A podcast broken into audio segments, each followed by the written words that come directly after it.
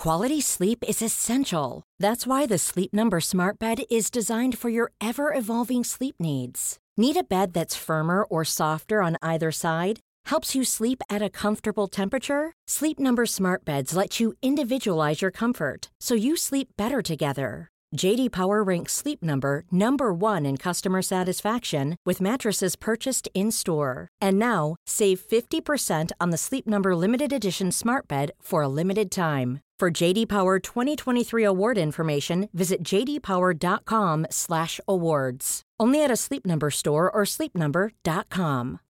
Life is full of what ifs. Some awesome, like what if AI could fold your laundry? And some well, less awesome, like what if you have unexpected medical costs? United Healthcare can help get you covered with Health Protector Guard fixed indemnity insurance plans they supplement your primary plan to help you manage out of pocket costs. No deductibles, no enrollment periods, and especially no more what ifs. Visit uh1.com to find the Health Protector Guard plan for you. Ryan Reynolds here from Mint Mobile. With the price of just about everything going up during inflation, we thought we'd bring our prices down. So to help us, we brought in a reverse auctioneer, which is apparently a thing. Mint Mobile unlimited premium wireless. Ready to get 30, 30, bit to get 30, bit to get 20, 20, 20, bit to get 20, 20, bit to get 15, 15, 15, 15 just 15 bucks a month. So, Give it a try at mintmobile.com/switch. slash $45 up front for 3 months plus taxes and fees. Promo rate for new customers for limited time. Unlimited more than 40 gigabytes per month slows. Full terms at mintmobile.com.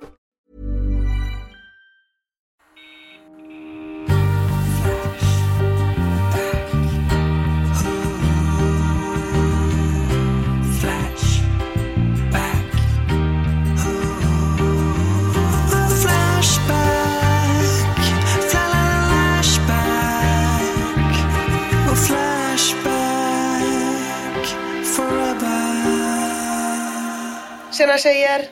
Hej Tjena. gänget där hemma Ja. i Göteborg. Stockholms-Emma, hur är det? Ja.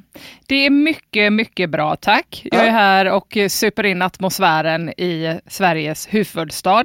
Ja. Eh, jättetrevligt. Det regnar. Ja, har du något annat att rapportera från huvudstaden? Eh, jag gick förbi Barncancergalan igår. Mm. Och eh, jag gick inte in, men jag kände ändå att jag reppade dig och Petrina som Ja, var bra. nominerade. Var, Mm. var du bjuden eller lekte du Nej. med tanken på att bara gå in? Ja, jag var absolut inte bjuden. Mia tycker att det roligaste som finns är när man gör sig väldigt tung. Ja, det är det Ja, roligaste. det är Eh, man blir utsläpad, så jag hade liksom en dröm om att jag skulle gå in objuden och att de, vakterna skulle släpa ut mig och att jag skulle göra mig tung då för att göra Mia glad. Fan, det är ändå något som Rädda våtmarkerna inte har gjort. Börja kapa andra så välgörenhetsevenemang. Det hade ändå varit mycket typ, nog snackat om barncancer! Våtmarkerna! Det hade ändå varit eh, kaxigt ju. Ja, lite mindre goodwill kanske. Ja, lite mindre. men- Ja, typ så. Men kan inte göra en egen gala? Vadå, ni är redan här Carina Berg! Det hade varit, det hade varit något, Ja. tycker jag. Alltså det blev inget, jag stod utanför bara, sen gick jag, passerade jag vidare. Det är ungefär det mest spännande som har hänt. Ja, Hur har ni det? Vara så. Hur har ni det eh, hemma? Bra, jag har varit sjuk. Mia är sjuk. Ja, mycket. Ja. Eh, Jag laddar inför att jag om timmar kommer få kasta premiärkastet på Hakets nya darttavlor. Eh, och eh, att jag snart ska åka till Essen och gå på brädspelsmässa. När är det ni åker? Vi åker imorgon kväll. Ja. Kielfärjan. Mm, mm, mm, mm, mm. Och så du laddade är det- upp med lite dart idag då? Laddar upp med lite dart idag. Sen är det fem timmar på autobahn. Eh, torsdag morgon. eh, rätt in i hjärtat av Rur, som vi numera kallar Essen. För att gå Ja. på den internationellt sett mest renommerade, obs att jag inte använder största för den ligger i USA, brädspelsmässan eh, eh, i Essen. Otroligt laddad, finns lite förhållningsregler på hemsidan för den nyfikna. Vad får man ta med in på mässan, vad får man inte ta med in på mässan. Man får ta med armborst, dock inte över 80 cm långa. Mm, Även väldigt tydliga, strikta eh, regler för hur sköldar ska se ut. Som man tar med Ja. sig. Kan inte komma med vilken gammal sköld som helst. Utan, eh, Om någon hade sagt, sagt till mig när jag var 15 att jag en dag kommer känna en tjej som ska på brädspelsmässan i Essen och att vi kommer göra en podd om Flashback Forum ihop, då hade inte jag trott på det. Men jag hade heller inte trott att jag skulle eh, be, eh, liksom umgås nära med en person som har eh, näsexem. som Mia. Jag ser något rött. Precis. Tur du är på behörigt avstånd. Ja, Mm. ja, det, är, Ja. det är olika det där faktiskt. Ina sitter ju rätt i synvinkeln. Ja. Vad är det som har hänt Mia? Nej men det är ingen som vet eh, det, men det är någon slags, det har blivit någon slags eh, hår, får man väl ändå säga, i, eh, Ja. i, i min eh, högra näsvinge. Från ingenstans. En ofrivillig piercing. En ofrivillig piercing, jag tror att det är associerat med den här förkylningen, men jag är inte helt säker. Gud. Nej, jag tycker att det ser ut som bältros. Kan man få det i ansiktet? Nej, nej, jag är ganska säker på att det inte är bältros. För Eh, du har redan gjort ett test. Eh, nej, nej. nej, bältros gör ju, det är ju mer nervsmärta i det. Det här är mer smärta av ett öppet sår. Varför har du zonat sjukt. ut Ina? Nej men det var så jävla sjukt. Ju som när jag skrev till Mia att jag förstår att man är hypokondriker om ens kropp har som hobby att attackera sig själv. Det är så jävla sjukt att din kropp bara vill förstöra sig själv inifrån på olika sätt. Liksom. Att du bara är Ja. typ så förkyld. Då blir det liksom ett hål i näsan. Det är så är jävla Ja. konstigt. Jättetråkigt faktiskt. Men hur känner du Emma? Hur känns det för dig att vara den absolut tveklöst coolaste av oss tre just nu? Eh, Det känns jätte, jätte, jättebra. Om någon hade sagt till mig när jag var 15 år att jag tveklöst kommer vara den coolaste i ett tjänggäng av tre, då hade jag också sagt I don't fucking believe you. Nej. Men nu är det så. Nu är det så, nu är det så. Men det är bara för att Vansbrosimmet är så många månader bort. Så att, eh, Ja, snart jämnas det ut. Snart jämnas Ja. ut allihopa. New York City Marathon, Ja, det, York inte eller jättelångt bort. Nej, så. nej, det är sant. Ja. Vi får Ja. leva, vi får leva Ja, jag på det här. stretchar vadmusklerna, det gör jag. Ja. Hörni, vad ska ni prata om idag tjejer? Eh, Ja, jag, hade jag skulle ju prata om aids. Men det blev too close to home. too close to home. Så att jag fick istället ta något annat. Okej. Det blev, det blev. Det blir istället oskrivna regler i mataffären. Jo, jag tackar. Mm, mysigt, mysigt. Dryper av sex. Ja, verkligen. verkligen. Ja, jag ska prata om gäng, ett gäng som är lite bortglömt eh, bland alla andra gäng som man pratar om nu för tiden, nämligen fjortisgängen. Oh, mäktigt, mäktigt. Och jag har ju aktuella. Ja. ja. Och jag ska prata om Johan Javeus som hamnade i nyheterna i förra veckan. Han skulle flyga från Göteborg till Stockholm. Och det vet ju alla att det är så jävla dumt. Det är svindumt. Det tar ju jätte, jättelång tid. För tåget från centrum till centrum tar ju tre timmar. Medans flyget centrum till centrum, man måste vara där innan, det tar tid. Arlanda Express eller vad man nu tar, flygbussen. Det är fyra timmar som försvinner där. Det är ju så jävla ovärt. Men flyget är ju så himla mycket billigare. Det är ju ändå så. Och in this economy Ja, är det så? så? är det väl många, ja det- är faktiskt det. 1300 kronor kostar det lätt om man vill ta tåget Stockholm-Göteborg med lite kort varsel. Medans Ryanair, de flyger samma sträcka för 238 kronor. Och jag Men vill inte gud. liksom bli anklagad för klasshat genom att kritisera Johan Javeus livsval. Så liksom, you go Johan. Och jag vill vara öppen, transparent, säga att jag själv har flugit den sträckan.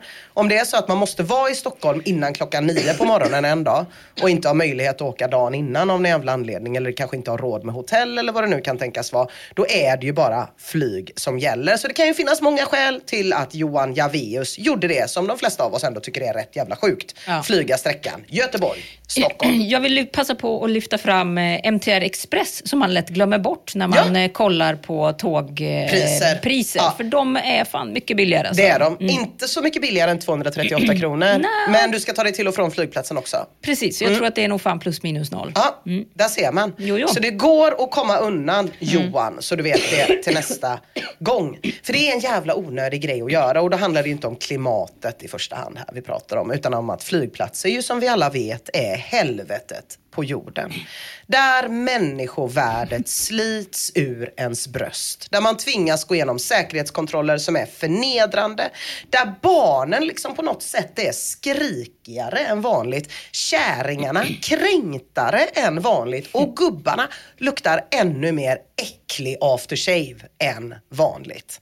Flygplatsen är vidrig. Så vad fan fick Johan att göra det här? Jag citerar ur Markposten. Det var söndag eftermiddag. Ja, jag vill bara säga, då följer direkt den här teorin om att det var så tidigt på morgonen och att det var därför han var tvungen att åka. Befann sig Johan Javeus, ekonom på SCB, så där följer också teorin om att det var så jävla billigt att åka och det var därför han gjorde det. I alla fall, på Landvetter flygplats på väg hem till Stockholm från ett dagsbesök i Göteborg. Det här är jävligt breaking tycker jag. Att här är kanske den första personen någonsin som verkligen har aktivt valt att flyga den här sträckan.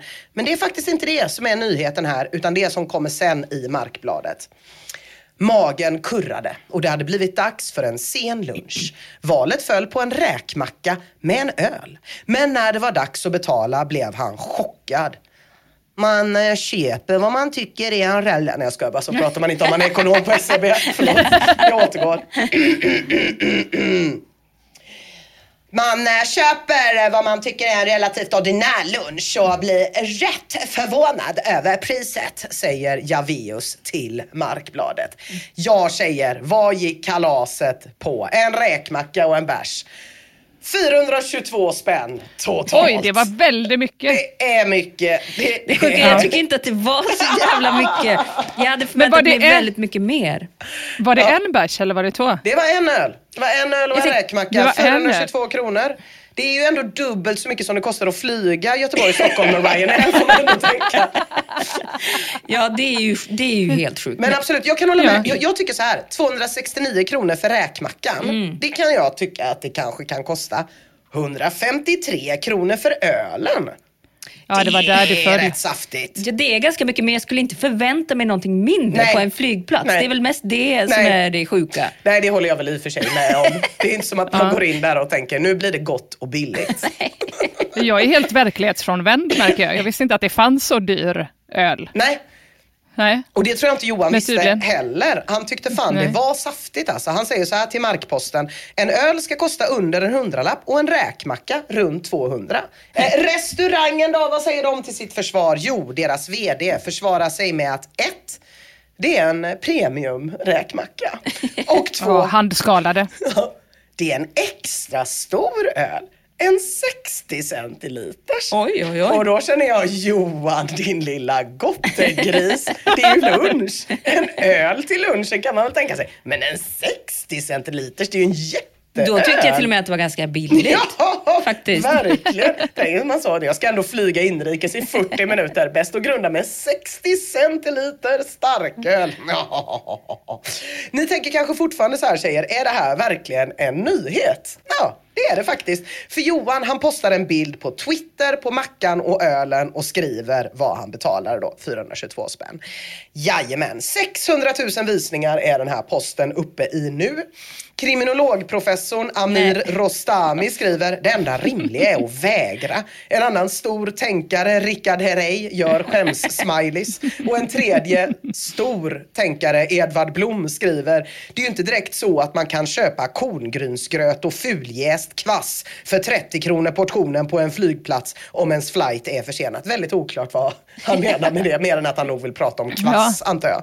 Ja, var det en kommentar till det här att man skulle ge barn gröt? Ja, någonting sånt Ja. kanske. Det Någonting är när maten är sånt. så dyr. Ja. Ja. Det här engagerar i alla fall tjejer och inte bara på Elon Musks äckliga pissplattform utan också på de ädlare delarna av internet, Flashback. För en vecka sedan så startade Greve FB tråden flygplatsens hutlösa priser och vill att Flashbackarna ska diskutera om priset är rimligt då. Kattknullan skriver det står ju att det är en riktigt bra räkmacka. Då betalar man ju lätt upp mot 500 spänn för. Det tycker jag är ganska jävla mycket. mycket. 500 Ja. spänn. Soulflower tycker priset är hutlöst. Ännu hutlösare, berättar Soulflower, var när han själv var på flygplats senast och var på Schiphol i Holland och betalade nästan 120 kronor för en 33 centiliters Heineken och en påse jordnötter. Ja. Soulflower skriver, det hade känts okej om jag åtminstone fick nötterna i en skål men det var bara att äta direkt ur påsen som ett jäkla djur. Det var inte värt det. Och det är sant. Sitta där och äta sina öljordnötter i en påse som ett djur på savannen. Där går värdighetsgränsen. Så ovärdigt. Jag trodde först du skulle säga att det var ur bartenderns hand. Ur bartenderns hand. Det är så här. 120 kronor. Hellre det än som bergsjätterna i Peru som måste flotta ner sina klövar genom att trycka ner dem i jordnötspåsen. Stackare. djur. Fem inlägg ner i tråden så har någon kollat upp Johans månadsinkomst. Eh, och den är, rapporterar jordgubbe, en bit över en kvarts miljon Det är väl inte så mycket? 250 tuss? i månaden. Aha!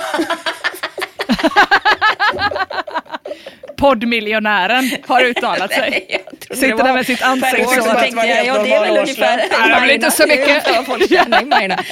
Vad Sjukt, vadå 250 000 i månaden? 250 000 i månaden det tog, och det tog. Flashback exakt fem inlägg att få fram den här siffran.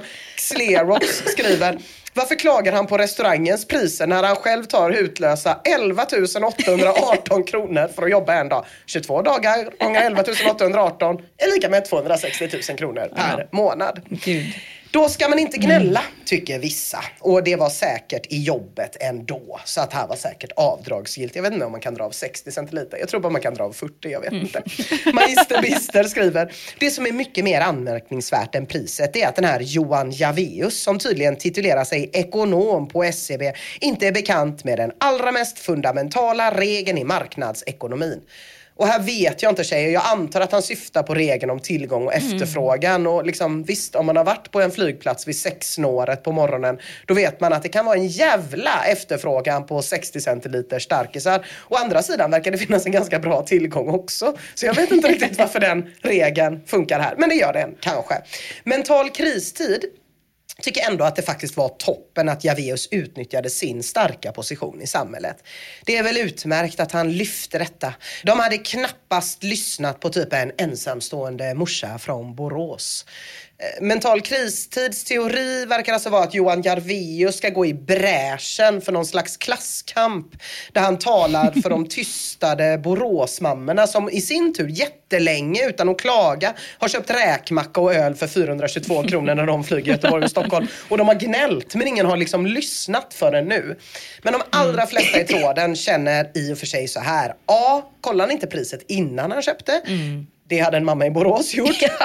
B. Kunde Ja. han inte äta innan eller efter? Flygningen tar ju ändå typ så 50 minuter. Och C. Så är det på flygplatser. Det vet alla som du var inne på, Mia. Men en av få som nyanserar det här det är Kamrat Blue som skriver Var det handpillade räkor från Smögen av morgonens fångst? Handvispad majonnäs, egenodlade citroner och hipsteröl. Och då kan jag säga till dig Kamrat Blue, det här var alltså på en flygplats. Om det inte framgick så vi kan absolut utesluta alla de sakerna. Boxer 123 berättar en chockerande nyhet för mig och det är att på terminal 5 på Arlanda, där finns det en hamburgare som kostar 330 kronor. Nej men gud, jävlar. Det är i och för sig lite liknande priser som eh, de på hörnet här borta. Enoteca En Maglia. Ortega Maglia. Ja, det är sant i och för sig. Också för en hamburgare om jag inte minns Ja, fel. också för en hamburgare. Det är sant. Det är tillgång och efterfrågan där med. Det finns bara fyra Men andra han ställen måste, med ju, hamburgare. han, måste, han måste ju varit den första som har köpt räkmackan. Ja, alltså måste- att alla andra kollar priset och, är så, och att de fick fullständig panik när det är så, oh, oh, någon har köpt räkmackan. Vi måste gå. Någon får springa och köpa räkor. Ja. Ja. Eh, men det här med terminal 5, när det liksom nämns, då är det många som går in och har väldigt starka åsikter om den här terminalen tydligen. Turistparadiset till exempel skriver Arlandas terminal 5 är för övrigt ett enda stort nederlag. Man får gå runt i fem kilometer runt incheckningsdiskar och säkerhetskontroller för att slutligen bli tvingad genom en gaskammare tax free. Sen ska man tydligen gå förbi 500 butiker som nu är under uppbyggnad. Jag spår i min kula att dessa butiker kommer vara lika tomma som blickarna hos biträdena som kommer att bemanna dem. Är det utrikesterminal eller? Ingen aning, men terminal 5 suger tydligen kuk.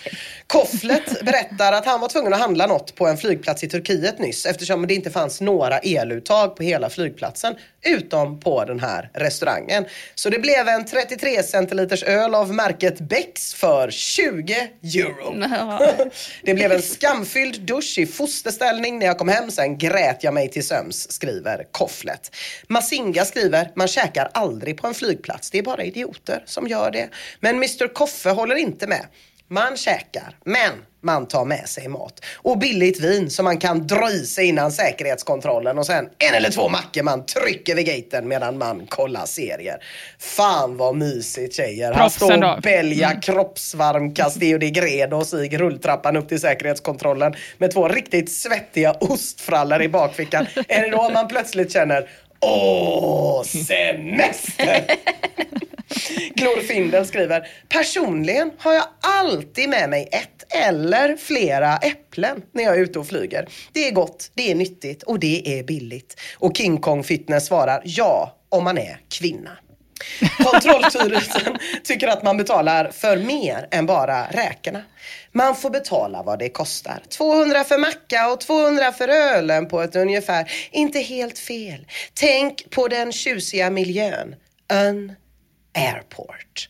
Och där visar ju Flashbackaren kontrollstyrelsen hur lätt man kan tuta i människor lögner där ute. Att det skulle kunna vara något fint med flygplatser för att de envisas med reklam för dyra märken. Det är fan det högsta beviset på hur lätt det är att sminka grisar alltså. Att folk tror att det är förenat med lyx att sitta på mindre yta än vad man någonsin sitter annars. Ha med sig mindre personliga tillhörigheter och ha färre rättigheter än vad man normalt sett har. Man sitter och lajvar att man är rik i ett jävla fängelse. Slut på rant. George Stockholm tycker att det värsta med svenska flygplatser det är att de är så piniga när det kommer till international businessmen.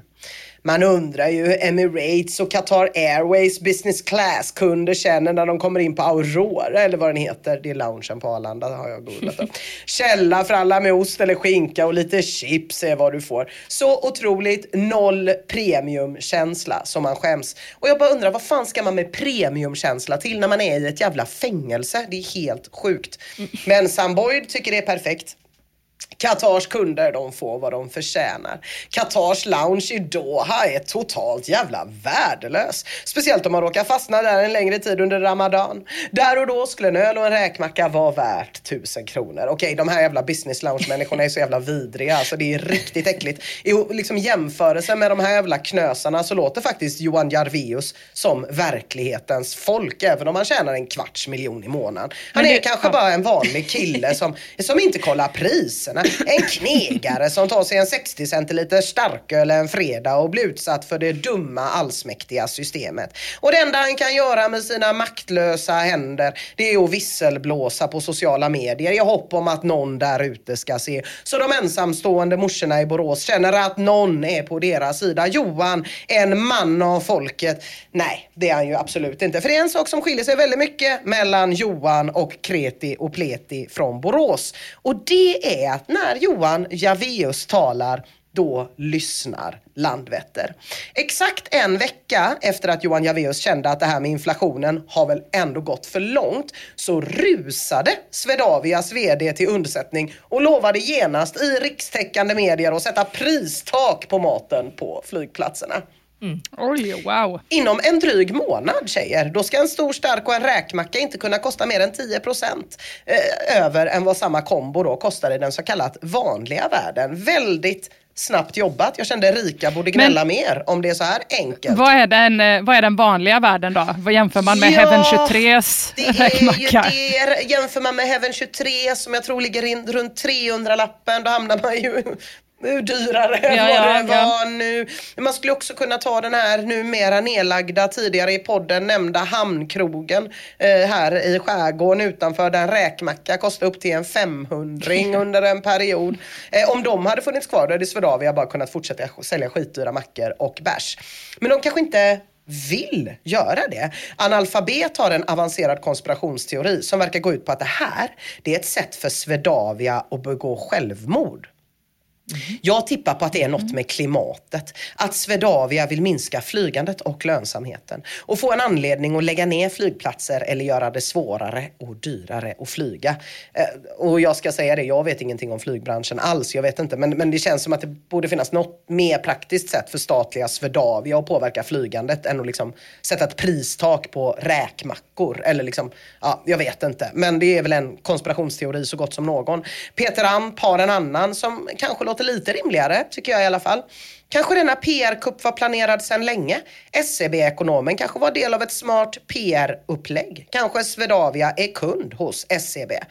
Och i så fall så var det ju en väldigt bra PR-kupp. Liksom. Nu kommer det bli en nyhet att räkmackorna finns, de är jättepremium, det finns 60 centiliter öl och nu sänker vi priset. Det skulle kunna vara så. Men jag har en egen teori. Häng med nu tjejer. Vem hade rimligen kunnat ha ett intresse av att föra upp räkmackan på agendan just precis nu?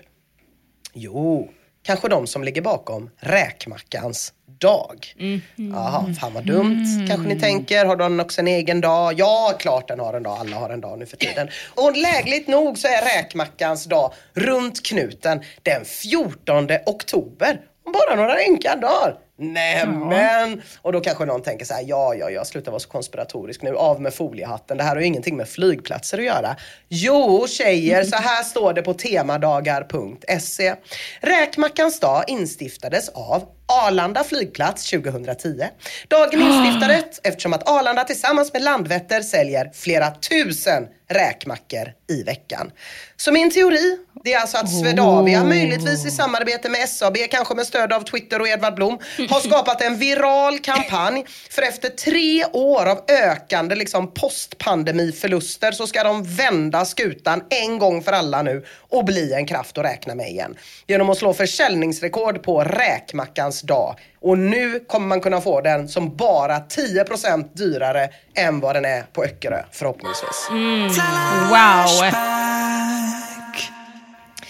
Nej, men jag tänkte prata lite grann idag om eh, oskrivna regler vid handling i mataffär som sagt. Och det här kan ju vara lite besvärligt för oss socialt utmanade, det här med oskrivna regler. Men ibland är de så tydliga att vi inte ens vi kan undgå att snappa upp dem.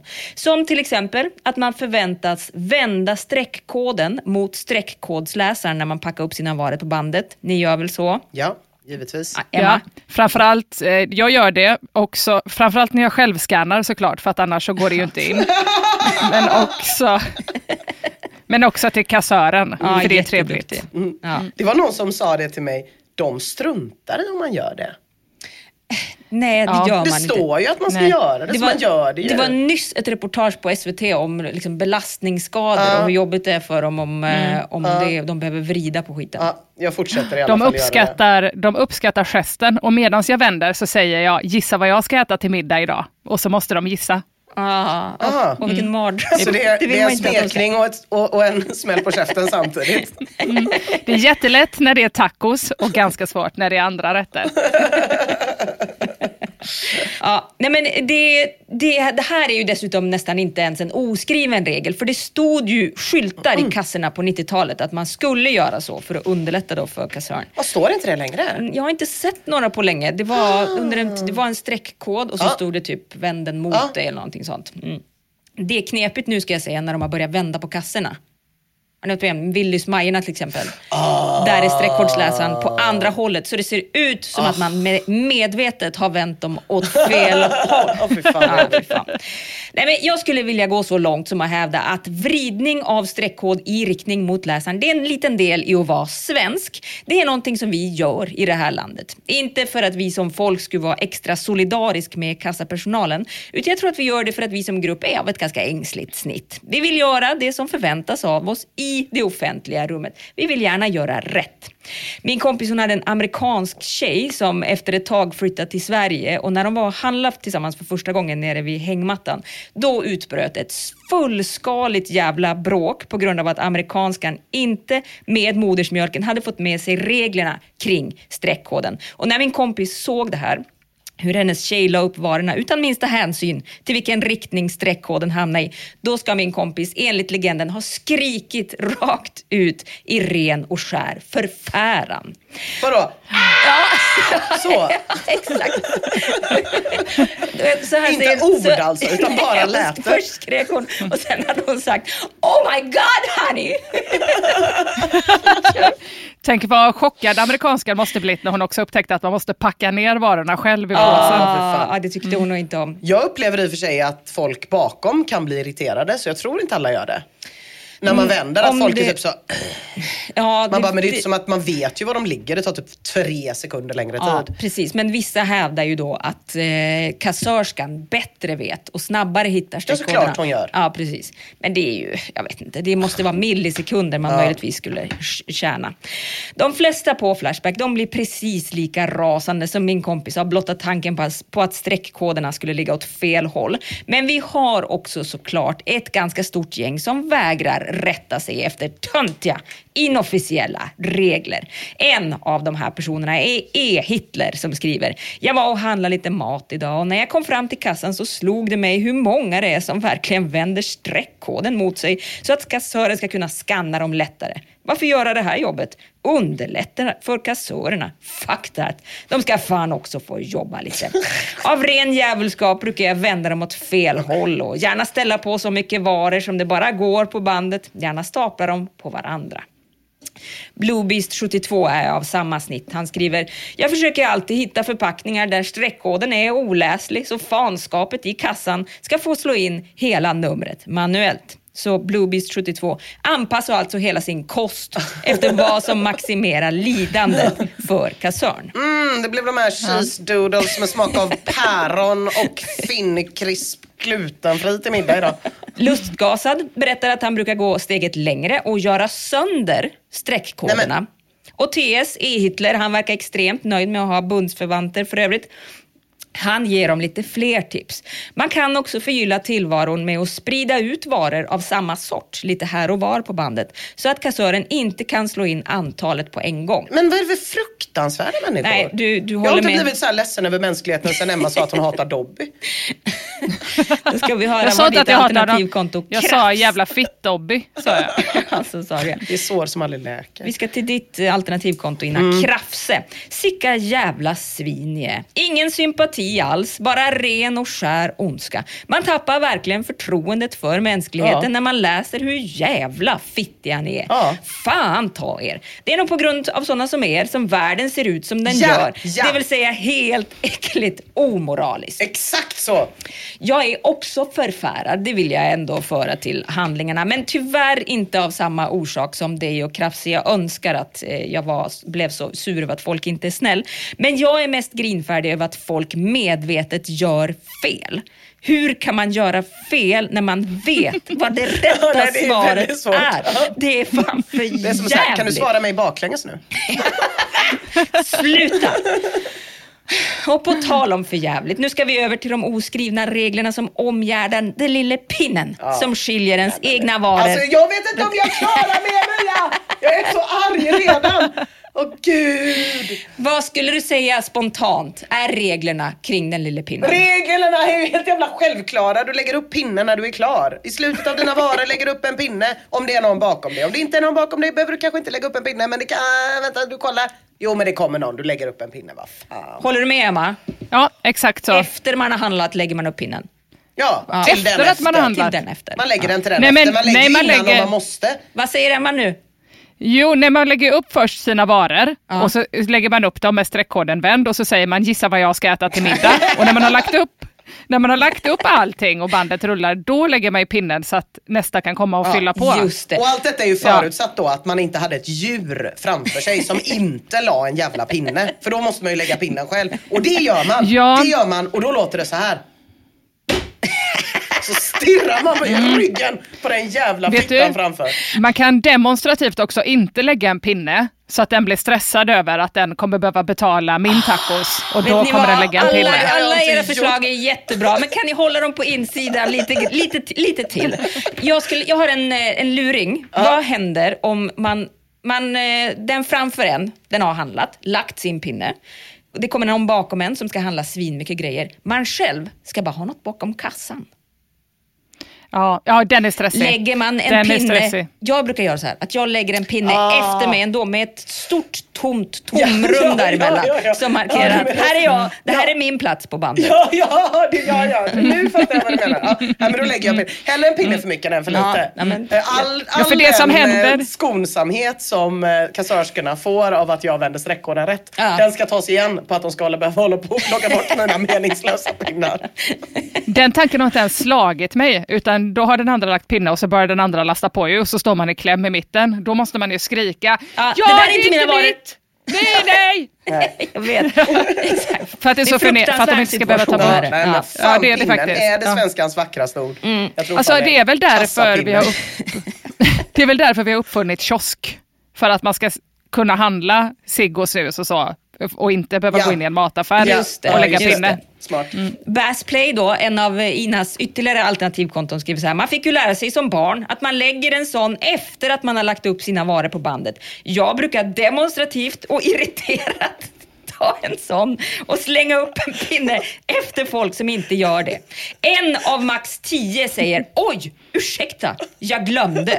Mm. Lika passivt Jag är aggressiv som väldigt du. nyfiken på, för här vill jag ändå göra en gradskillnad här. Jag gör det bara om den personen är framför mig. Jag springer inte fram längre fram i kassan om jag står på plats sju och ser att vi har en pinnsituation. Då springer, så tolkar jag honom eller henne. De ändå springer fram och dönar upp en Ja, pinne det i är fallet. fan otroligt Ja. i så fall.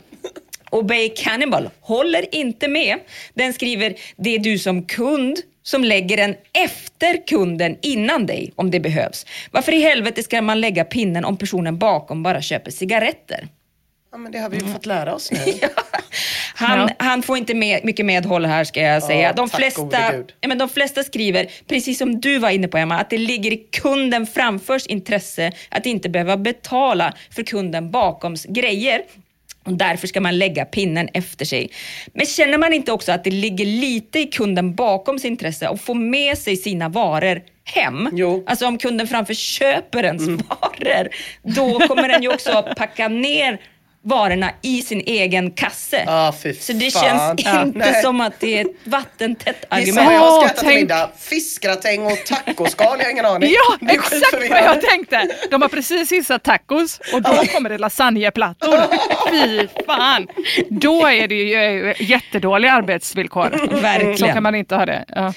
Techno is Oh. best skriver, det är gentlemannamässigt att lägga dit gränspinnen själv efter Ja. att man har lagt upp sina varor. Så ja. Jag vill ändå mena att OBS, som enligt Flashback ska ha uppfunnit citat gränspinnen då på 80-talet för att effektivisera kassorna, verkligen har berövat dagens heterokvinnor på all romantik om killar går omkring och tycker att de är charmerande gentlemän när de lägger dit pinnen efter sina jävla varor. Bird, Beard Braid skriver, nu ska farbror berätta hur det var förr. Efter att man slutade handla över disk kom bandet utan gränspinnar och det fungerade smidigt såvida kassörskan inte var autist. Fram till mitten av 90-talet typ. Men även autister måste få jobb och då fixade man gränspinnar så att kassörskan kunde vara autist och slippa ögonkontakt med kunderna. Och nu är det, som du säkert vet, endast utvecklingsstörda som jobbar i butik. Allt tack vare gränspinnen. Ja, Och nu är det också så att autister, eh, inga namn nämnda, går och handlar i affären och då måste man ju ha dubbla pinnar. Om- just det. För att då kunna markera att man bara ska ha någonting bakom kassan. Ja, så att det, är men det är väldigt, det har ju utvecklats väldigt. Ja. Det har verkligen utvecklats, men det ligger också någonting i det han säger. Jag tycker att han har en väldigt, väldigt bra poäng. Ja, men jag- såklart när det var så typ Tjenare, tjenare gubbar! Ja, det är Fredriksson som köper bröstsocker. Då är det klart att så här, hon visste väl hela bykassörskan exakt vad alla skulle köpa. Ja, så var men det nu säkert. le- lever man ju, sen urbaniseringen så tänker jag att det inte funkar längre. Det kan faktiskt stämma det här, för jag började jobba som kassörska på byn någon gång vid slutet av 90-talet. Och jag antar att jag blev aktuell för det jobbet bara på grund av att gränspinnen hade kommit. Ja, det är Ja, ingen man som tror du hade klarat det jobbet annars. Nej, jag menar Direkt det. korrelation där. Precis, för enligt eh, Flashback och er uppenbarligen så är jag ju så autistisk att det finns anledning att misstänka att till och med min homofili är ett särintresse. Det är någon som har skrivit det. Jajamän, jävla geni. Det är det i särklass roligaste jag har hört i hela mitt liv. Ja, det är så jävla bra.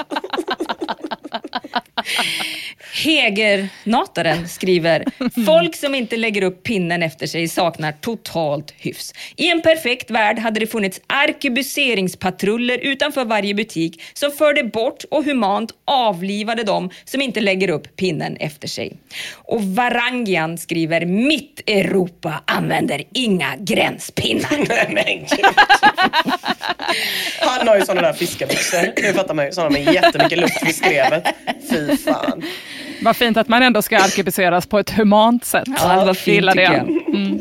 I juli i år så startade användaren Jessie Lee Peterson tråden “Man slagen i ansiktet hade inte lagt kundpinne på kassabandet”. Och här är det faktiskt lite lurigt ska jag säga. För i nyheten som tråden handlar om, där står det ingenstans vilken av kunderna det var som blev arg. Var det han bakom som blev arg och drämde till för att han framför inte hade lagt en slutpinne? Eller var det han framför som blev arg för att kunden bakom inte hade lagt en startpinne? Det är ingen som vet, men ändå tar alla i tråden för givet att kunden har slagits för just deras tolkning av reglerna. Hatar bögar skriver helt rätt gjort enligt mig. Idioter som inte lägger nästa kundpinnen ska fan slås sönder. Ser ni vad jag menar? Ja. Retard Carrot skriver det är bra att gemene man står upp mot mongon som inte har vett att lägga pinnen på bandet. Rätt ska vara rätt. Don Ronaldinho skriver hade någon rört mig på grund av en jävla pinne då hade jag dödat honom på plats. Svennehura, lite kavibbar där innan, skriver de som inte lägger upp pinnen efter sina varor tenderar ofta att skita i att lyfta ner sin korg från avsatsen utan lämnar den helt sonika där. De vill helt enkelt inte göra någonting som de ser som smutsjobb utan vill att den efterföljande kunden ska lägga ut pinnen och lyfta ner korgen. I helvete heller att jag kör. Nej, men det gör man ju. Man gör det ju argt. Smäller och slamrar. Ja, det gör man som man håller på. Rocking with Eller så, så får man ju säga, ursäkta du glömde korgen. Det gör man är det absolut värsta. inte. Nej, det gör- det är ingen man som- inte. Det är- nästan nej, men vet ni vad? Då är det fan bättre att slå till någon. Det där är en Ja, större men vet ni vad, vilka som gör det? Det är ju kvinnor som är över 65 som vågar säga sådana saker. Ursäkta, du glömde korgen. De kan ju Nej, också de säga säger ju när ungdomar... Nej, jag skulle tycker aldrig de är säga så här- ursäkta. Ja. Ja. Jag har inte Nej, kommit de in i den inte åldern jag, jag är så stark så jag kan fortfarande liksom slamra grejer och så. Jag har några år till av Ja. slammer i mig. Just men jag kommer gå är ju- över till de kränkta utandningarna snart. Det kommer. Ge det fem år säger jag. Ja, men de har liksom byggt upp något patos. Det är samma när ungdomar eller andra kastar skräp på gatan. Då blir jag ju ledsen och gråter inombords. Men tant över 65 är så. Du, eh, du glömde ditt skräp. Ah, Det skulle jag ju Ja. aldrig våga säga. Nej. aldrig. nej, det blir nog huffar och puffar för oss tror jag. Ja, jag tror det kommer passa oss mycket bättre. If you thought the only way to get a more defined jawline with natural looking results was through surgery, think again. Juvederm Volux XC is a non surgical injectable gel filler that improves moderate to severe loss of jawline definition and can help you achieve natural looking results with little downtime. Even better, this improved definition lasts up to one year with optimal treatment. No maintenance required. Improve jawline definition for a smooth, sculpted look with Juvederm Volux XC. For important safety information and to find a licensed specialist, visit juvederm.com. That's J U V E D E R M.com. Not for people with severe allergic reactions, allergies to lidocaine, or the proteins used in Juvederm. Common side effects include injection site redness, swelling, pain, tenderness, firmness, lumps, bumps, bruising, discoloration, or itching. There's a risk of unintentional injection into a blood vessel, which can cause vision abnormalities, blindness, stroke, temporary scabs, or scarring. Talk to a licensed specialist to find out if it's right for you. One size fits all seemed like a good idea for clothes Nice dress. Uh, it's a it's a t-shirt. until you tried it on. Same goes for your healthcare. That's why United Healthcare offers a variety of flexible, budget friendly coverage for medical, vision, dental, and more. So, whether you're between jobs, coming off a parent's plan, or even missed open enrollment, you can find the plan that fits you best. Find out more about United Healthcare coverage at uh1.com. That's uh1.com. Hiring for your small business? If you're not looking for professionals on LinkedIn, you're looking in the wrong place. That's like looking for your car keys in a fish tank.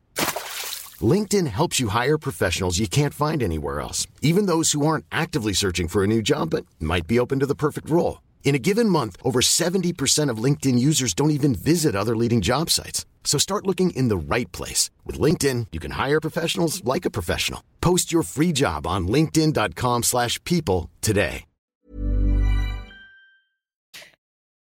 Eh, rock with the cock out skriver... Brukar Inte rock out with a cock out. Nej, rock with the cock out. Okej. Jag förstår. Ja. Eh, skriver så här. Jag brukar alltid lägga upp mina varor rätt bakom någon annans om de inte lägger pinnen på bandet. Det är inte mitt problem om någon annan vill betala mina varor. Bra tips. Men det är ju hans problem Ina, för han får inte med sig sina varor hem. Jo, man börjar ju prata om det sen. Var låg dina grejer? Jag vet inte, jag såg ingen. Det var ingen pinne. Ah. Jag ska testa. Gör det, men du får ju inte med dig det du har handlat. Det är ändå bara skit. DHFJS 2930 SJ skriver sist någon glömde sätta kassapinnen innan den lassade på sina varor. Då köpte jag stolpskottets chips och mjölk innan jag stoppade kassörskan. Gissa om han blev paff när han insåg att han behövde gå igenom hela butiken för att hämta mjölk igen. Och då kan man väl fråga sig vem som vann Ja, i den här jo, i och för sig. situationen. Tror ni att han bakom har lärt sig någonting av DHFJS Nej. 2930 betalande och att han tog hans mjölk och chips? Han bakom kanske dessutom hade ett samtidigt projekt där han försökte lära DHFJS 2930 SJ att lägga pinnen efter sig och att straffet han fick för att han inte gjorde det var att betala för extra chips och mjölk. Känner man inte att det kanske Ja, är svårt. dags att emigrera när man läser sånt här? Någonting annat som får mig att känna ett väldigt, väldigt stort emigreringssug, det är rörelsen som växte fram år 2016 som gick ut på att utmana en annan oskriven regel kring kassapinnen. Så här berättade Expressen om det hela. Den oskrivna regeln är att kassapinnen ska läggas horisontellt över kassabandet. Men vad händer egentligen om man lägger kassapinnen på ett helt annat vis? Det försöker tusentals svenskar ta reda på via Facebookgruppen Vi som vrider på pinnen. Det hela går ut på att vrida på pinnen vertikalt och invänta reaktioner från omgivningen. Sedan fotograferar man sin snedvridna kassapinne och publicerar bilden i Facebookgruppen. Det här var det sjukaste jag har hört i hela mitt liv. Ja, Vissa vill Ja, verkligen bara förstöra. Ja, men man känner man inte, nu får kometen komma. Alltså Ja. det är fan dags alltså. Jävlar. vad- Disrupt, disrupt, disrupt bros. Ja. Nej, men vi får väl enas om att det verkar vara en eh, mindre tydlig regel vems ansvar det är än streckkoderna i alla fall. Ja. Alla tycker att pinnen är väldigt, väldigt viktig, men de är inte överens om hur den ska tillämpas. Det är som gjort för att folk ska bli misshandlade. Vi ska nu över till den allra minst tydliga regeln av dem alla i mataffären. Hur man förväntas bete sig när en ny kassa öppnar. Åh, den är svår. Den är svår. TS Yttrandefriheten skriver, ett fenomen som jag har grunnat över sedan barnsben är vad som händer med kösystemet och turordningen när en ny kassa öppnar. Folk i de bakre leden förvandlas ofta till rovdjur och kör något survival of the fittest race till den nyöppnade kassan. Turordningsreglerna verkar inte gälla för oss duktiga svenskar som är så noga med just det här. Vad beror det på? Vad är rätt och vad är fel? Och Det här är väldigt tydligt tycker jag. Tycker du det? Berätta. Ja, nej men det är ju verkligen att kön fortsätter. Så att den som stod längst fram i den gamla kön är ju nu längst fram i nästa kö. Jag, jag, jag det håller inte med riktigt. Jag tycker Jo, två... två klart som korv. Alltså jag skulle säga, har du liksom direkt kontakt med bandet på något sätt? Typ. Om, du är, om du är person två eller tre, då står du kvar. Och resten av kön flyttar sig, Ja, jag. låt oss säga så här, om pinnen har lagts upp för dig, Ja, då, då kan du stå det- kvar. ja, ja, då är Men det- sen, då är bandet din. Man springer ju inte som ett rovdjur, utan man säger ju ursäkta till den andra eller tredje dag. Nu är det bandet uppe och så går, följer alla snällt efter. Ja, ja. Eller varannan dag. Då Just får man blixtlåsa lite. Okej, så någon slags liksom turord. De som har stått först i kassorna som har varit öppen sedan tidigare, de tänker ni ha företräde på ja. de nyöppnade Jag skulle kassorna? säga minus typ två personer som får stå kvar. För de har så snart... Men får man inte alltid stå kvar? Eh, Får man inte ens välja det? Jo, jo, jo, jo såklart. Men jag menar att jag tycker inte att typ, om det är en person som står bakom den som håller på och eh, köper nu. Mm. Så tycker jag inte den ska ta sin grej och bara snedda över direkt. Just För jag det. tänker typ, det är ändå din tur om typ en sekund. Du tjänar Just så jävla lite tid. Skit i det. Liksom. Just det. Eh, och kanske även den bakom. Jag skulle, om jag skulle vara på person tre, då skulle jag fundera på det. På person fyra skulle jag gå och tänka att nu är det min tur på det nya bandet. Ja, jag Om skulle säga att det har ah, blivit en kö helt plötsligt och så till två kassor och så står Ja. man och väntar lite. Det är lite som en förkö och en kökö. Liksom. Du har liksom det, eliten, det är ändå de som är liksom i närheten av tuggummina. Typ. De står kvar. Jag fattar, men Emma, du utgår ju nu från att alla kassor är nära varandra. Vad händer när en kasse fem kassor bort öppnar? Åh gud, då Ja, går det är man hem. väldigt svårt. då blir det ingen Det är också svårt när-. Det är också svårt när det eh, tillkommer nya till kön som inte förstår att vi har ett eh, blixtlåssystem här. Nej. Utan då går ju de direkt fram till... Ja. eh, Ja, men det ja, där är lite Lite som på motorvägen när det är stopp. Man kan ju inte ha, man kan ju inte ha ett blixtlåssystem på tre kassor. Det är ju väldigt få Nej. affärer som är designade på det sättet. Det är väldigt, väldigt, ja. Det är väldigt Men i en drömvärld. Ja. Ja. Eh, Men TS den är svår, det är den. Ja, TS i alla fall, yttrandefriheten, han är helt på eran linje. Han tycker att de som står längre fram i de existerande köerna, de har förtur till den nyöppnade kassan. Rutan svarar, är du en apa eller? Du har valt kö. Vad som händer i kassan bredvid angår inte dig. En ny kassa är obruten mark, en oskuld, ett obestiget berg. Den som lägger upp varorna först står först i kön. Den som kommer efter står efter. Fattar du?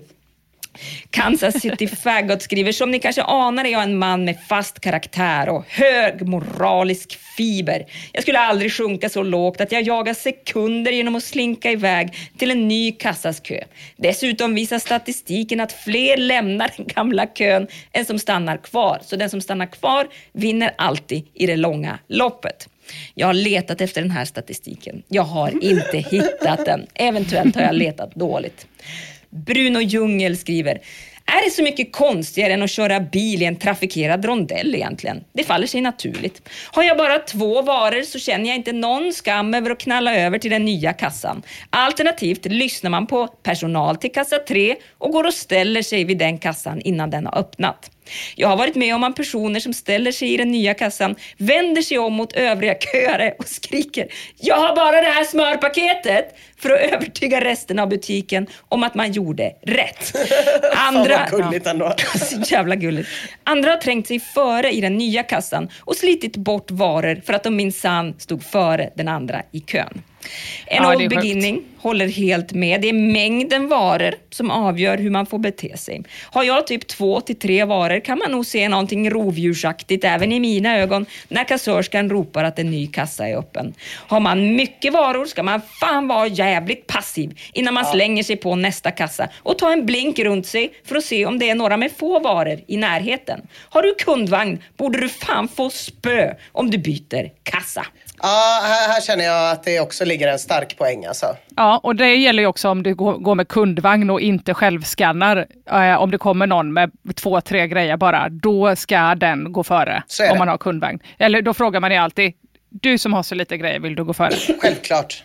Mm. Det kan man göra om man är lagd åt det hållet. Biggest D skriver att han brukar byta kassa om han får ögonkontakt med den söta kassörskan som är på väg att öppna en ny kassa. Då brukar han passa på att småprata lite med henne.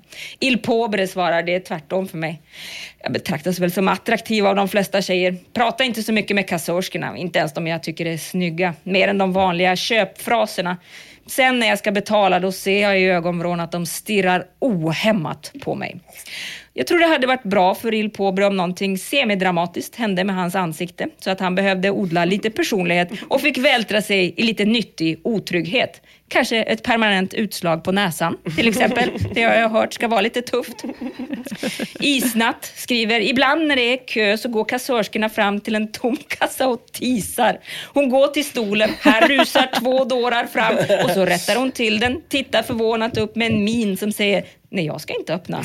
Hon plockar lite papper, går fram framför kassan och nu tror halva kön att hon ska vika in den där stoppskylten och öppna kassan så kön står liksom och frustar och hovrar. Men nej, hon ska bara rätta till tidningarna så skjuter hon iväg den där vagnen med kundkorgar och försvinner.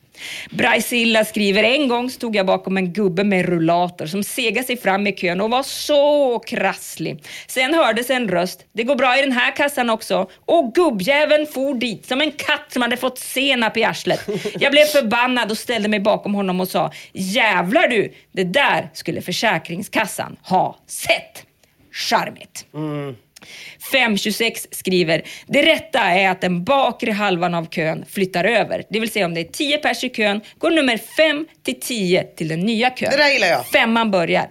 Ja, det är ju så, som teori är det ju väldigt bra, men, har du någonsin sett det här ske i praktiken Ina? Nej men, ja, men typ, alltså jag tycker liksom, ja men jag ty- kanske inte fem, men från fyra, från tre, fyra, där någonstans. Ja, det tror jag nog. Nej, jag, jag, Jag handlar ju bara i butiker som har en kasse eftersom att jag köper all min mat på världens dyraste affär, Coop, Mariaplan. Mer egna märkesvaror än någonsin. Eh, så att jag, ja, nej det är sant i och för sig. Det är ju, det är ju när jag är på ICA-Majorna som det kan hända. Ja, precis. Jag tänker att det brukar de som kommer bakifrån, den personen som är sist i kön och så kommer en ny kassa som öppnar. Den har ju alltid momentum i sin rörelse, för han är Ja, på väg in. Och har också bra överblick över Exakt. spelplanen. Mm. De brukar alltid hinna först och de brukar se till att vara först. Ah, för sådana är de. För såna- De som står där bak. de sista. Jag tror att ehm, för första gången, eller vad jag, jag har i alla fall inte sett det förut, att även självaste Magdalena Ribbing står svarslös när hon får frågan om vilka regler som gäller för en ny kassa som öppnar. Hon säger så här, det finns inga vedertagna regler i Sverige för detta intrikata problem. Enklast vore att affären hade någon slags ordning som med högtalare eller skylt meddelades kunderna. Som det är nu får man stå ut med att somliga ser kassakön som ett startfält och en tävling och rusar till nästa mål så snart ett sådant öppnas. Tuffast, alternativt druligast, vinner. I alla fall sina tre minuter, men knappast övrigas sympati. Och jag antar att den hon pratar om är Flashbackaren Anktalare som skriver “Det är djungens lag som gäller”. Häromåret fällde jag en kärring som druttade på backen och slog i huvudet. Hon dog inte men jag såg henne i rullstol veckan efter, så nu blir det svårare för henne att springa om om samma situation skulle uppstå igen. Oh, oj. Ja, då har hon lärt sig. Ja, då har Mycket. lärt sig. Ja. Nu har hon lärt sig. Jag är så arg nu. Man kanske ska börja göra en egen kassapinne. Ja, jag tänkte precis på det, att folk Ha med med en sig. egen. Fan vad störigt. Så- Jag så- såg ett skämt som jag tror skulle falla knyckare i smaken. Det var någon som hade sagt eh, Eh, till personen framför, typ, jag brukar också alltid lägga upp kassapinnen. Man, det spelar ingen roll hur många gånger jag lägger upp den, jag får ändå aldrig köpa den. Och då hade kassören med död blick tittat på honom och blippat kassapinnen och kört iväg den. Och den låg inlagd i systemet. Okej, Broudsis. Yes. Jag har läst en tråd från 2008 som när det begav sig skapade engagemang på forumet.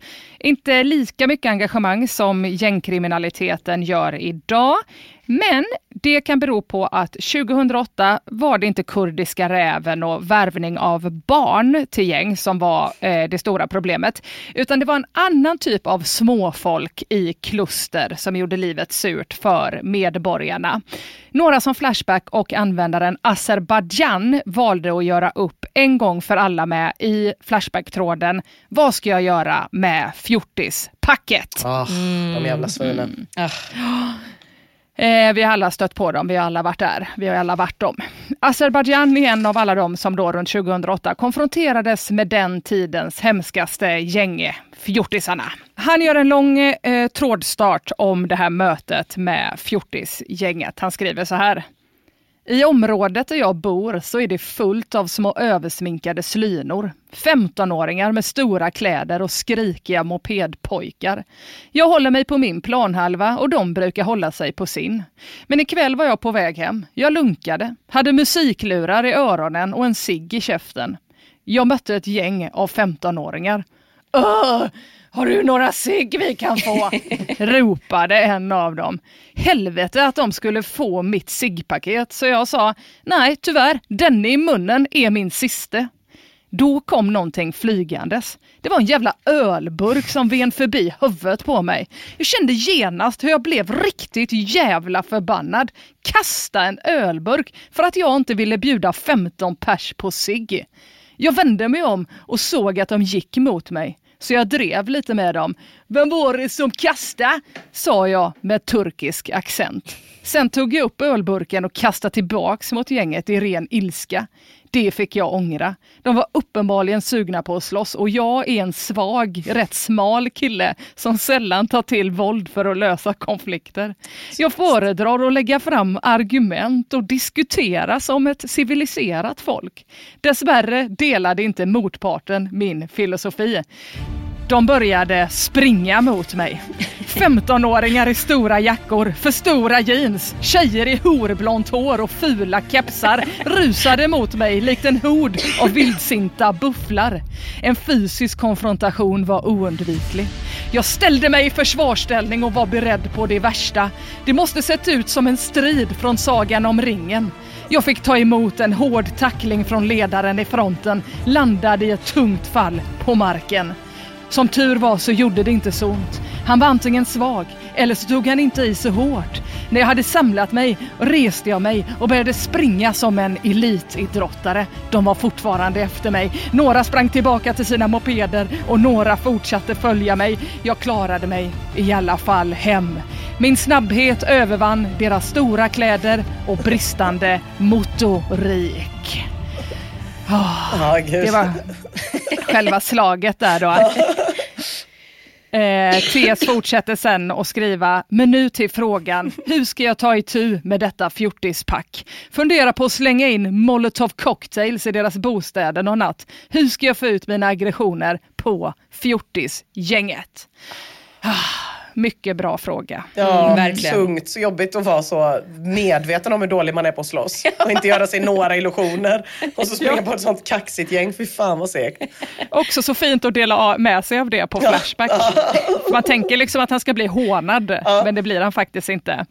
Eh, utan det här inlägget skapar istället supermycket engagemang på forumet. Vi kan börja med de mjuka förslagen på hur Azerbajdzjan ska lösa eh, den här, det här övergreppet han har varit med om från barn. Eknall skriver, skaffa lite egenrullade cigaretter kryddade med ditt eget rövsmör som du kan bjuda på. Raketsnor skriver, alternativt att du i helt eh, vanlig lugn ton berättar för deras föräldrar vad som har hänt, att skolan är informerad och att en polisanmälan är inskickad. Och Azerbajdzjan svarar, jo, men jag vet ju inte namnen på någon av dem, så det kommer förmodligen inte hända någonting. Ja. Nej, och svårt att se skillnad på dem också ja, i den åldern. Verkligen. Mm, vet inte vilka det är. Så de två, det var ju då de mjuka förslagen som kommer in i tråden. Säga till föräldrarna, polisanmäla eller bjuda på rövsmör. Då kan vi gå vidare. För ja. Flashbacks universalråd är ju inte konstigt nog naturligtvis beväpna dig. Raketsnor skriver pepparspray är otroligt effektivt. En svepning kan lätt sänka sex personförhållandena är rätt. Medvind, kort avstånd, ungefär samma längd på offren. Eknal. ha alltid kniv på dig. Momashka, Gå ut med järnrör och klipp knäskålarna på varenda en av dem! Allers, pistol är en bra idé, men jag kan inte sitta här och uppmuntra dig till att skjuta en kille. We're Capefly, systematisk diskret terror. Beställ porrtidningar i deras namn. Anonymt tipsa polisen om droger och plantera hash i deras mopeder. Melakesh, skjut ledaren i knäskålarna. Det hade jag gjort. Raketsnor, därefter kan du dra upp assbetongen och panga på dem. Buttplug, ta med dig handbojor så att du kan kedja fast ledaren vid en lyktstolpe. Schnitzelfritz och knulla honom! Oj, det blir det också ett övergrepp på trådstarten här. Som ska behöva ligga med ett barn, göra sig till pedofil. Ja, tråkigt. Ja, det är väldigt många brott eh, ja. han gör skyldig sig, sig skyldig ja. till om han ska göra exakt alla de här förslagen. Mm. Eh, väldigt, väldigt många brott faktiskt. Men jättebra förslag allihop såklart på hur man hanterar småglin som muckar med en nattetid. Och det är inte bara TS eh, eh, som är en vuxen man som har blivit utsatt för terror av minderåriga fjortisplågor. Den här starka berättelsen som TS bjuder på får fler att vittna om samhällets småfolk som gjort livet surt för dem. Och här kommer några berättelser. Audio skriver jag har en lillebror som råkat i handgemäng med traktens fjortisgäng. Jag har alltid försökt snacka med Hobbitledaren och hans coola gäng, men då har de alltid vägrat att lyssna. Jag slutade visa nåd och lät dem hälsa på John Blund. Ja, våld är enda lösningen på 90-talisterna. Mm. Och eh, Loffe 007 vittnar om en liknande upplevelse. Han skriver så här. Jag var nere i Göteborg under Gotia-kuppen. Satt på en parkbänk med en polare och då kom det ett gäng varav ledaren var 180 centimeter och resten nådde honom till midjan. Jag tittade på min polare och sa idiot om långholken. Detta uppfattades av en av pygméerna som berättade allt för flaggstången. De var helt klart ute efter bråk, kunde gärna tänka mig att sparka lite pygmérumpor. Det är så jävla bra. Jag är väldigt glad att ledaren är det långa. Fan vad bärs det hade varit om det var ett sånt gäng där alla var 1,60 och så var det en, en som var liksom 1,90 och så var det bara en av de random 1,60 som var ledaren. Vad sjukt det hade sett ut. Jag är bara en i gänget. Okej, okay, ja. Men också gulligt ju. Ja, faktiskt. Mm. Eh, användaren Inte som du har också upplevt fjortisgäggen. Han skriver så här. Jag var ute en sommarkväll med min kompis Pelle. En bit bort sitter en flock fjortisar runt en fontän. För unga för att komma in på krogen, för dumma för att hitta på något annat än att stå och hänga. Hanarna tävlade om vem som kunde röka flest cigg och skrika kom då och jävla fitta åt varandra. De påminde om rytande lejon på en vidsträckt savann. Bara det att lejonen hade väldigt, väldigt, väldigt små könsorgan. Oj! Ja, nej, det var väldigt konstigt att han tittade så noga. Ja, ja, det gjorde han. Han kanske också har blivit utsatt för ett övergrepp och blivit pedofil. Fastkedjad. Sen skriver han, honorna höll sig på sin kant med sitt jävla kacklande. Fyra skitungar som knappt fått pungkulor, det visste han också då uppenbarligen marscherade mot oss. I spetsen gick en ful Tupac som spatserade värst av dem alla. Innan vi visste ordet av stod de på alldeles för nära avstånd.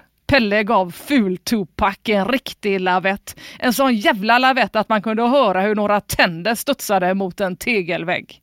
Innan vi drog böjde han sig ner till ful-Tupac, rullade ihop en 500 och pillade in den i killens näsborre för att stoppa blödningen. Skit ska skit ha. Um, det känns inte som att det stoppar så mycket blödning utan mer bara att man bildar en kanal där det rinner, som det rinner ut ur. Ja. Alltså 500 spänn skulle inte jag kalla skit heller. Nej, verkligen Nej. inte. Skit ska skit ha. Det är nästan Särskilt inte i den åldern. Nej, fan. Ja, det, det gick ju rykten om folk som var så, hittade 500 ja. lappar i sina fickor typ. Exakt. Man själv hittade någon röt en 10 om man hade tur. Oh, otroligt. Jag hittade 500 spänn en gång på spårvagnsspåret. Oh. Det var fantastiskt, oh, 18 Gud. år gammal. Gick och köpte Piggelin för alltihop. Mm. Azerbajdzjan eh, då, som är trådstartaren, eh, som gillar att kommunicera fr sig fram till lösningar och inte ta till våld, är inte lika stridslysten då som övriga forumet. Men han har kommit på en grej som han kan göra som hämnd mot fjortisgänget. Azerbajdzjan skriver jag ska skära sönder deras sitsar på EU-mopederna, repa lacken och hälla massa hundbajs i tanken. Situationen har eskalerat. Nu är det krig. Och användaren Goldbear tycker att det här är en bra idé och tillägger att skära sönder däcken på deras mopeder, det är en riktigt bra idé. Det är deras ögonstenar. Tänk Gudfadern när han skär av huvudet på någons käraste häst. Och tampas med fjortisar kommer alltid vara en ädel konst. I detta läge hade jag tagit eh, till en lite mer hitman-taktik. Arbeta i skuggan och ta ut dem en och en. Användaren slagsmål hänger på och utvecklar mopedidén som nu då också är en hitman-idé. Han skriver, försök göra allting under en natt. Annars kommer de som inte är helt retarderade att kommunicera med varandra och det vill du inte. Så alla måste ner på en och samma natt. Gone in 60 second style.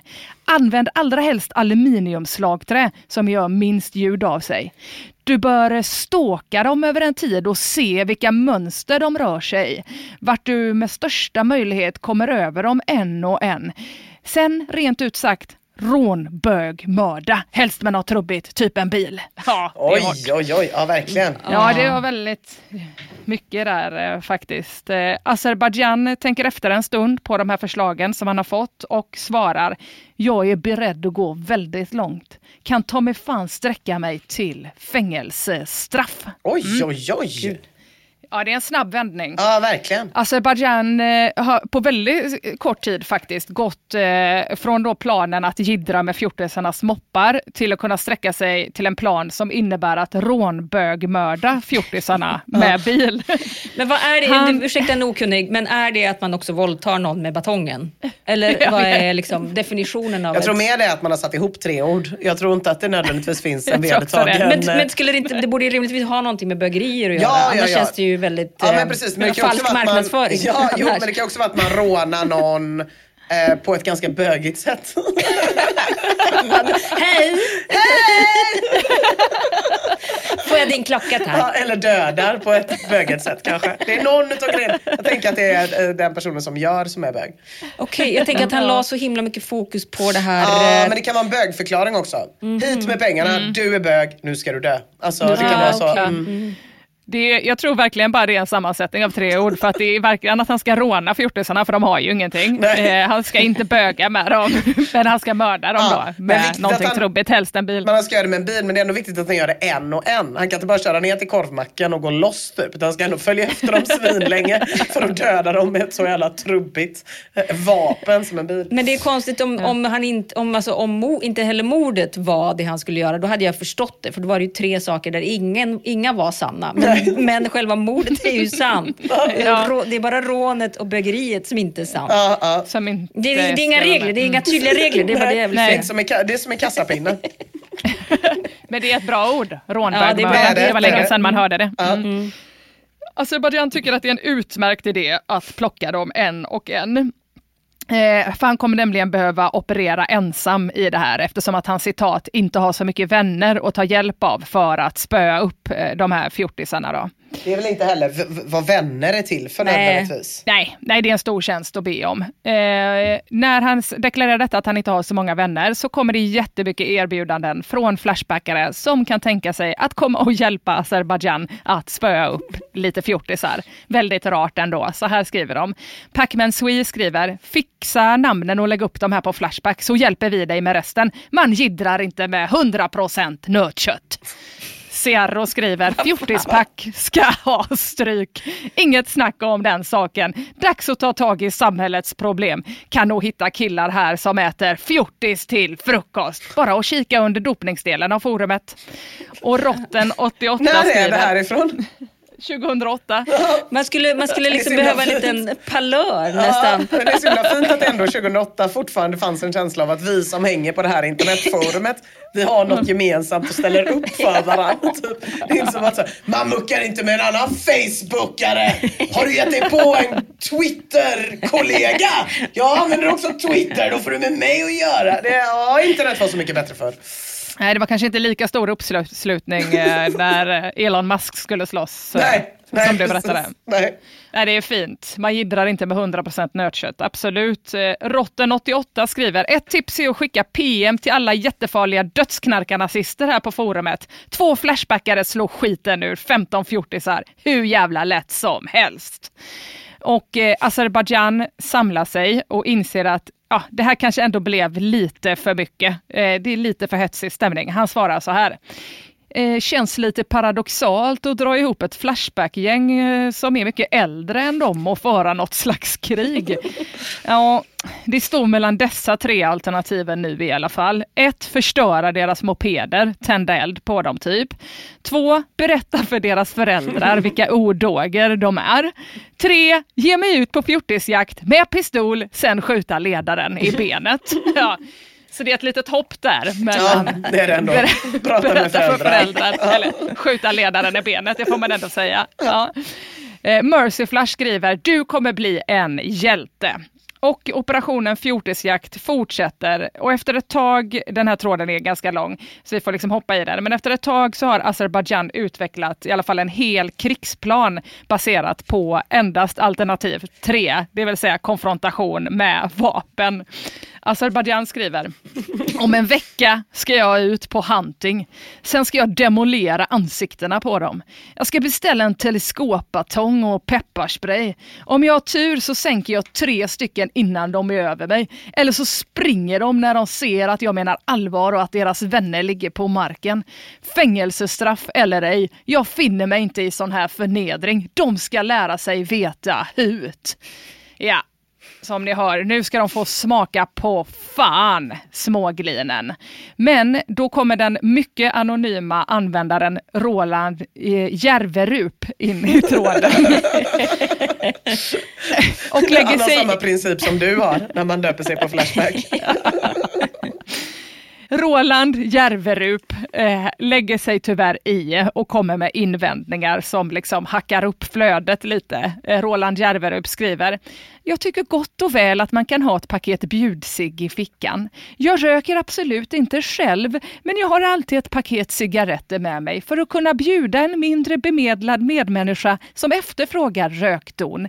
Det var mitt tips i all välmening. Nej, men, det var gulligt tycker jag. Roland! Ja, fan vad fint. Ja, Om det inte är för att locka barn vill säga. Usch Roland! Det är en hårfin gräns mellan pedofili och trevliga killar. ja, det är fint men det är också helt jävla orimligt eller? Azerbajdzjan som definitivt gjort en resa i kaxighet ja, svarar Jaså, du har med dig förnödenheter för 12 låtsas gangsters varenda gång du är ute och spatserar. Det är under min värdighet att erbjuda dessa lägre stående individer annat än en fot i arslet. Den mycket anonyma användaren Roland Järverup fortsätter. Man får inte vara så där elak mot de utländska ungdomarna. Här kommer de kanske från krig och elände, kanske till och med från trasiga hemförhållanden och så blir de bemötta på ett tråkigt sätt. De har ju ofta invandrat hit för att söka skydd, söka sig bort från svält, krig, våld och övergrepp. Då måste vi som goda medmänniskor stå och vara beredda att ta emot dem och försiktigt visa dem till rätta om de ibland kanske råkar bete sig lite galet, inte sant? Vänligen Roland. Kolagodis svarar, fin tanke, men nej! Azerbajdzjan förklarar, dessa fjortisar är mestadels svenskar som tror att de är getto och vill leva som i tuffa USA. Och efter ytterligare ett tag så återkommer Azerbajdzjan med en fullskalig plan för fjortisattacken som han planerat utföra kommande fredag och även med en lista på utrustning. På fredag så ska jag ge mig ut på lite jakt. Här är mina material som jag har att tillgå just nu. Och så kommer det en lista här då. Taktisk väst, sådana där som insatsstyrkor använder. Köpte den i Kambodja när jag var där och reste. Gasmask, hög skrämselfaktor. Pepparspray, teleskopbatong eller liknande adrenalinspruta. Man injicerar adrenalinet direkt i benet. Det är min akutmedicin för astma. Det kan jag säkert bli pumpad på innan jag går ut. Smärtstillande! Vet ni vad? Jag tar två stycken. Då står jag ut längre och tål fysiska angrepp bättre och hårdare. Teleskopbatongen används för att plocka ett par stycken av dem få se hur långt de kan springa när jag har dragit några smisk på smalbenen. Jag kommer bli ett monster iförd gasmask, insatsväst och laddad med batong och spray. Pumped up av adrenalin och tål lika mycket som Hulken. Jag ska printa in minnen i deras själar som kommer sträcka sig för en hel livstid. Ja, det, det var alltså väldigt... alltså 90% skydd mot sig själv och sin egen kropp som han skulle beväpna sig med. Det var 10 vapen som var det typ olika skyddsvästar, en gasmask som man inte ens behöver. Det var typ bara att han skulle se tuff ut. Olika värktabletter, adrenalinsprutor. Det var som att Mia skulle gå ut och beväpna sig. Det var bara att ta med sig hela jävla apoteket och en fjäderbatong. Verkligen. Alltså för rättvisans skull ska jag säga att gasmasken är faktiskt också till för om de tar pepparsprayen från honom så att han kan skydda sig från sitt, eget, sitt eget vapen. Skydd. ja, det är det. Jag älskar att han ska ha med sig sin akutmedicin för astman för att pumpa upp adrenalin och två stycken Ipren för att tåla smärtan bättre. Ja. Nej, det är så jävla bra plan, det är det. Uh, Wolfie skriver, du är en riktig hjälte i mina ögon, TS. Att du vågar stå upp för dig själv mot fjortispacket, det är så stort. Vad du än gör, skippa gasmasken och västen. De kommer bara att skratta åt dig och förlöjliga dig. Lycka till! Ja, det är lite samma som du är inne på där, Ina. Hörrni, ni mina vänner. Fredagen kommer. Dags att kicka lite pygmé-rumpa. Mercy Flash skriver “Let the war begin”. Azerbajdzjan skriver “Jag utlovar inga eh, makabra stridslag med köttslamsor. Jag ska bara gå ut lite, puckla lite, sen in igen till tvn. Det är ingen big deal.”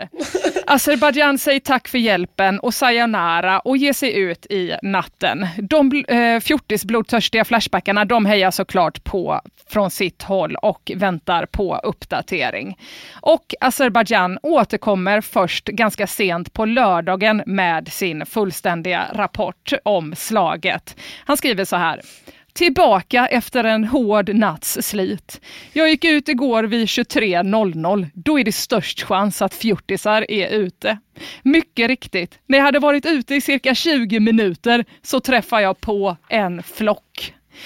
Jag gick emot dem med hjärtat i halsgropen, pepparspray och kofot. De stod med sina mobiler och diskuterade någonting, men inte länge till. Jag gick fram till gruppen och började min attack. Två av killarna kollade på mig. När jag var två meter ifrån dem så tog jag upp pepparsprayen och sprang mot dem och sprayade dem i ögat. De två killarna blev genast utslagna och började vrida sig i snön. Sen var det dags för den tredje. Han fick smaka kofot i magen. Han tappade andan och började gråta. Jag påminde killen om eh, den lilla incidenten som hade skett. Vad fan snackar du om? sa han, eller en dylik undanflykt. Han fick smaka asfalt. När jag var färdig med de tre efter någon minut av adrenalin så började jag lugnt bege mig hemåt igen. När jag hade gått cirka 15 minuter så kom det en polisbil förbirullandes. Polisen bad mig att lägga mig ner på marken. Jag fick tillbringa en natt i häktet.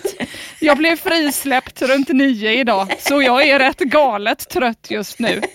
De beslogtog min pepparspray, kofoten och annat kram som jag hade i fickorna. Ja, det var det. Ledsen smiley. Edit. Ja, det var värt det. Daikon skriver Justice for all. Ja. Så så kan det gå mina vänner, ja. när inte rättvisan är med en riktigt och man tvingas ta lagen och småbarn i sina egna händer. Kanske någonting för Ulf Kristersson att ta efter, vad vet jag. Men det är jävligt viktigt att se till att det är rätt småglin som man ger sig på när mm. man ger sig ut på fjortisjakt. Det verkar ha skett lite missförstånd här. och Azerbajdzjan, han var ju beredd på ta fängelse, alltså ta mm. ett fängelsestraff för att få upprättelse. Och fängelse fick han i alla fall åtminstone en natt i häktet.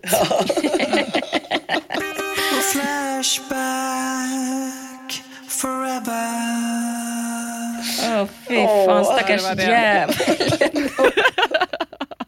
Men vilken resa ändå. Ja, vilken resa. Verkligen. Jag tänker att det var några mm. helt andra 15-åringar. ja, det är klart det var det. Vad fan snackar du om? Skrek de ju. Vad pratar du om? Åh oh, gud. Ja. ja. det är för jävligt. Mm. Oh, ja, tack så mycket. Så tack, tack ska ni ha för idag. Ja, ja tack mm. så mycket för idag och tack så jättemycket till Flashback. Tack till våra patroner. Och tack eh, till er som lyssnar. Eller hur? Det är kul att ni gör det faktiskt. Ja, det är svintrevligt. Vi hörs om en eh, vecka, post-SN. Jag kanske kommer ha med mig lite rapporter om nya expansioner från brädspel. Nej, det ska ni inte behöva höra. Jag Du kan väl skicka vykort? Ja, men det, det, det har kommit ett något nytt spel som heter Gay Sauna. När man ska samla på bögar i en bastu. Som jag tänker spana in och köra en playthrough på. Så jag kan komma lite uppdateringar fan vad gott. Ja, Mycket bra. ha det så fint allihopa. Ha det. Ha det Hej! bra. Puss hej.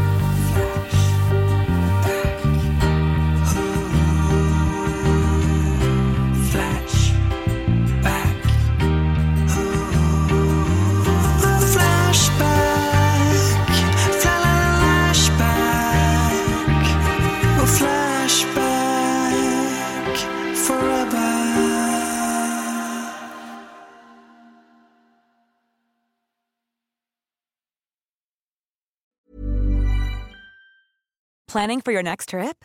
Elevate your travel style with Quince. Quince has all the jet setting essentials you'll want for your next getaway, like European linen, premium luggage options, buttery soft Italian leather bags, and so much more. And is all priced at 50 to 80% less than similar brands. Plus, Quince only works with factories that use safe and ethical manufacturing practices. Pack your bags with high-quality essentials you'll be wearing for vacations to come with Quince. Go to quince.com slash pack for free shipping and 365-day returns.